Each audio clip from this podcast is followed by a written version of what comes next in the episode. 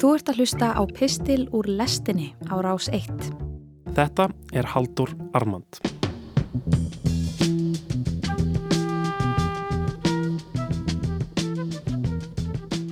Einhverju sinni borgaði ég fyrir kaffibotla í Berlínarborg með 5 efuru seðli.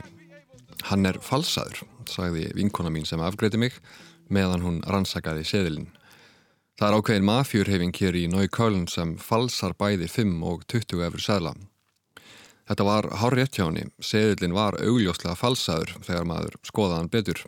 Ég hafði fengið peningaseðilinn tilbaka kvöldið áður þegar ég hafði kipt mér kebab.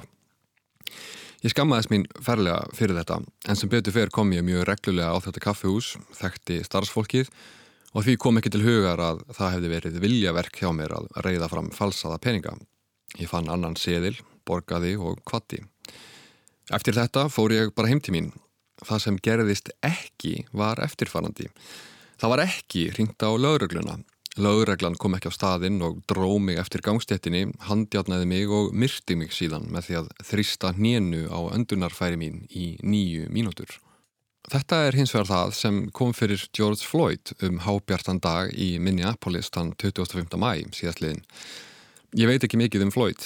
Ég veit að hann misti vinnuna vegna COVID-19. Ég veit að starfsmæður í búð ringdi á laurugluna þannan dag vegna þess að Floyd átti að hafa borgað fyrir síkaretur með fölsuðum 20 dollara seðli.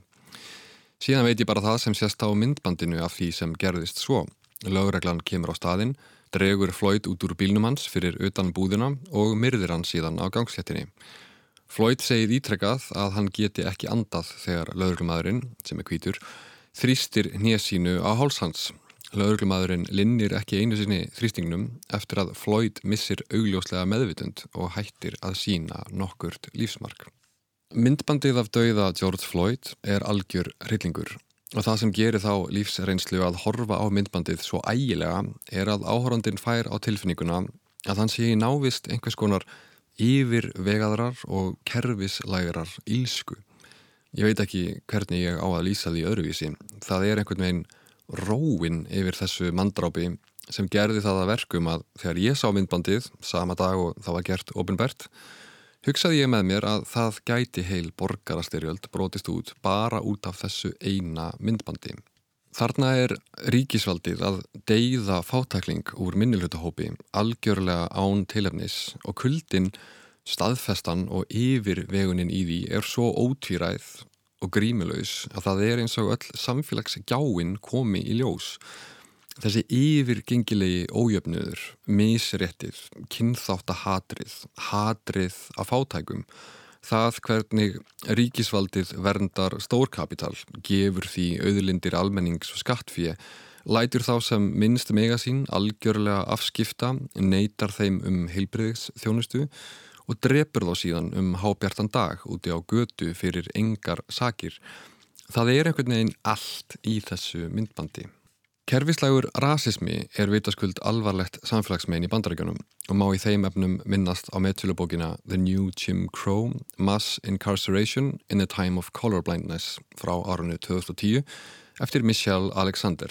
Í bókinni sínir hún fram á það hvernig massa fangilsistómar yfir svörtum karlmönnum í bandaríkunum og það hvernig þeir eru kerfisbundið sviftir borgaralegum réttindum sínum gegnum dómskerfið hefur í raun tekið við sem hefði nýja Jim Crow fyrirkomulag. Aðskilnaðar lögin í bandaríkunum sem voru feldur gildi á sjönda áratögnum voru kend við Jim Crow. COVID-veran hefur lagst þungt á samfélag svartra í bandaríkunum þótt svartir síu aðeins um 14% bandarísku þjóðarinnar eru allt upp í 30% þeirra sem hafa smittast af verunni skæðu svartir. Um einn af hverjum 2000 svörtum bandarækjumanum hafa látist af völdum verunar. Það er vegna þess að þóttu veiran fari kannski ekki í manngreinar álit, þá gera mannleg samfélag það. Hátt hlutfall þeirra sem eru í svonefndum framlínustörfum eru svartir og það gerir þá vitaskuld berskjaldaðri fyrir veirunni. Þessi störf eru sömuleiðis jafnan lálunastörf sem gerir að verkum að afleiðingar veirunar eru alvarlegri. Ekki að það hafi haft einhver áhrif á það sem gerðist en George Floyd misti vinnuna í COVID-faraldrinum. Í bandaríkonum er réttur þinn til heilbreyðstjónustu bundin við atvinnuðina. Ég hef ekki enþá tekið þátt í mótmálunum sem brotist af út um víða veröld í kjölfar morðsins á George Floyd. Ég sé bara öll óteljandi myndböndin á netinu af því hvernig ríkisvaldið nýðist á mótmálundum til þess að reyna að hveða ólguna niður. Það er hryllingur að horfa upp á þetta. En sömu leiðis er augljóst að fólk af öllum kynþáttum kemur og stendur saman gegn misréttinu. Og mig grunar að þetta sé stærra en svo að mótmálinn og samstöðu samkomurnar snúist um lögreglófbeldi í bandaríkunum gegn svörtu fólki þótt það sé vita skuld rót þeirra.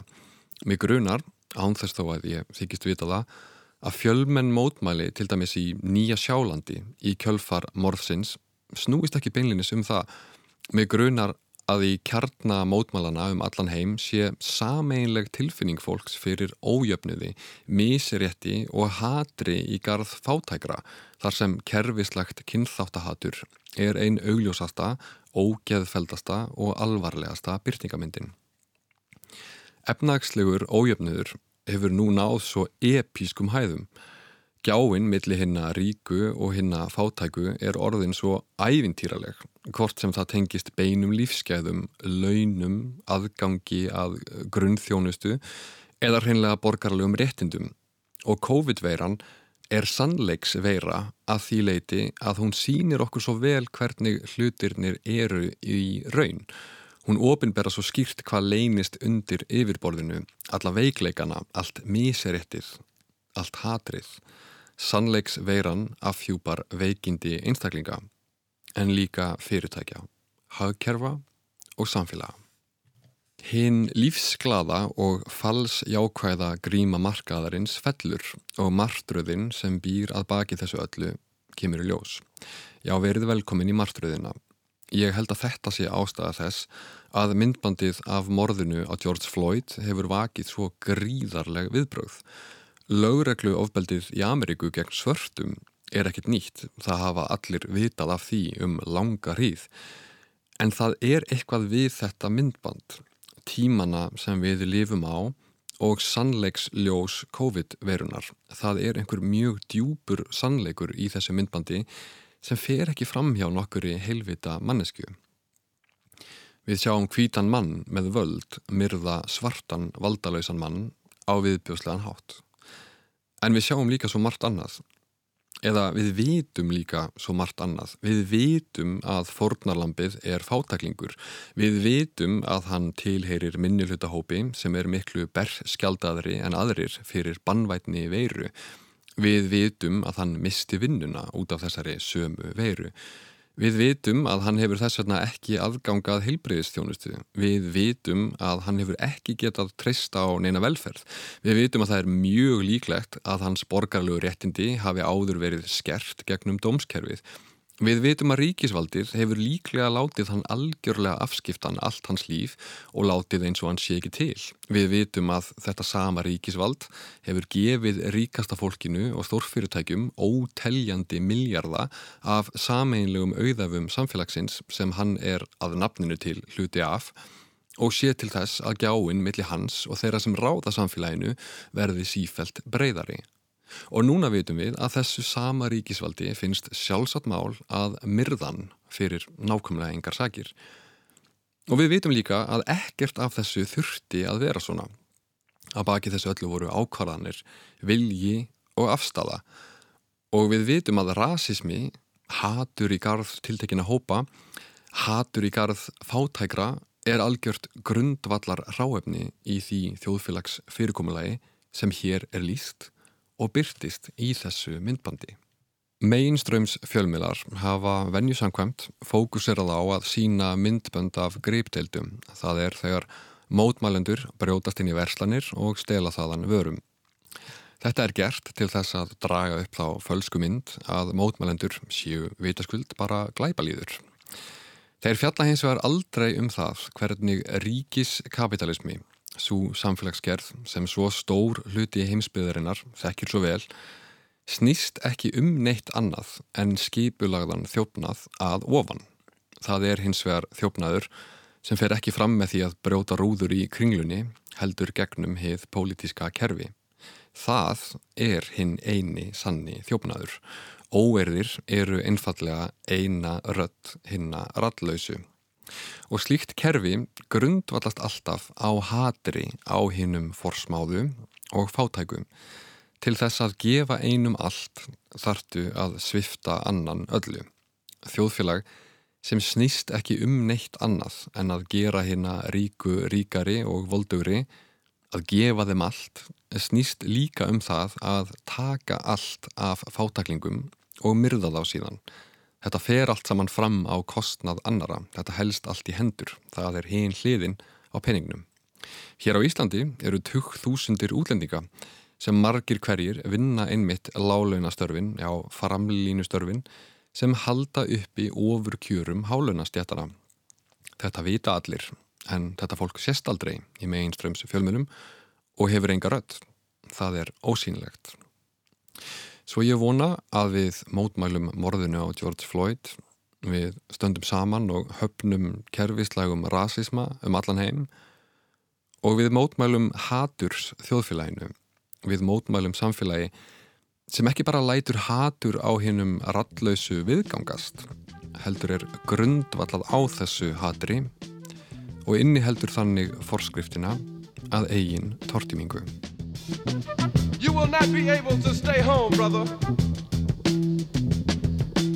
You will not be able to plug in, turn on, and cop out.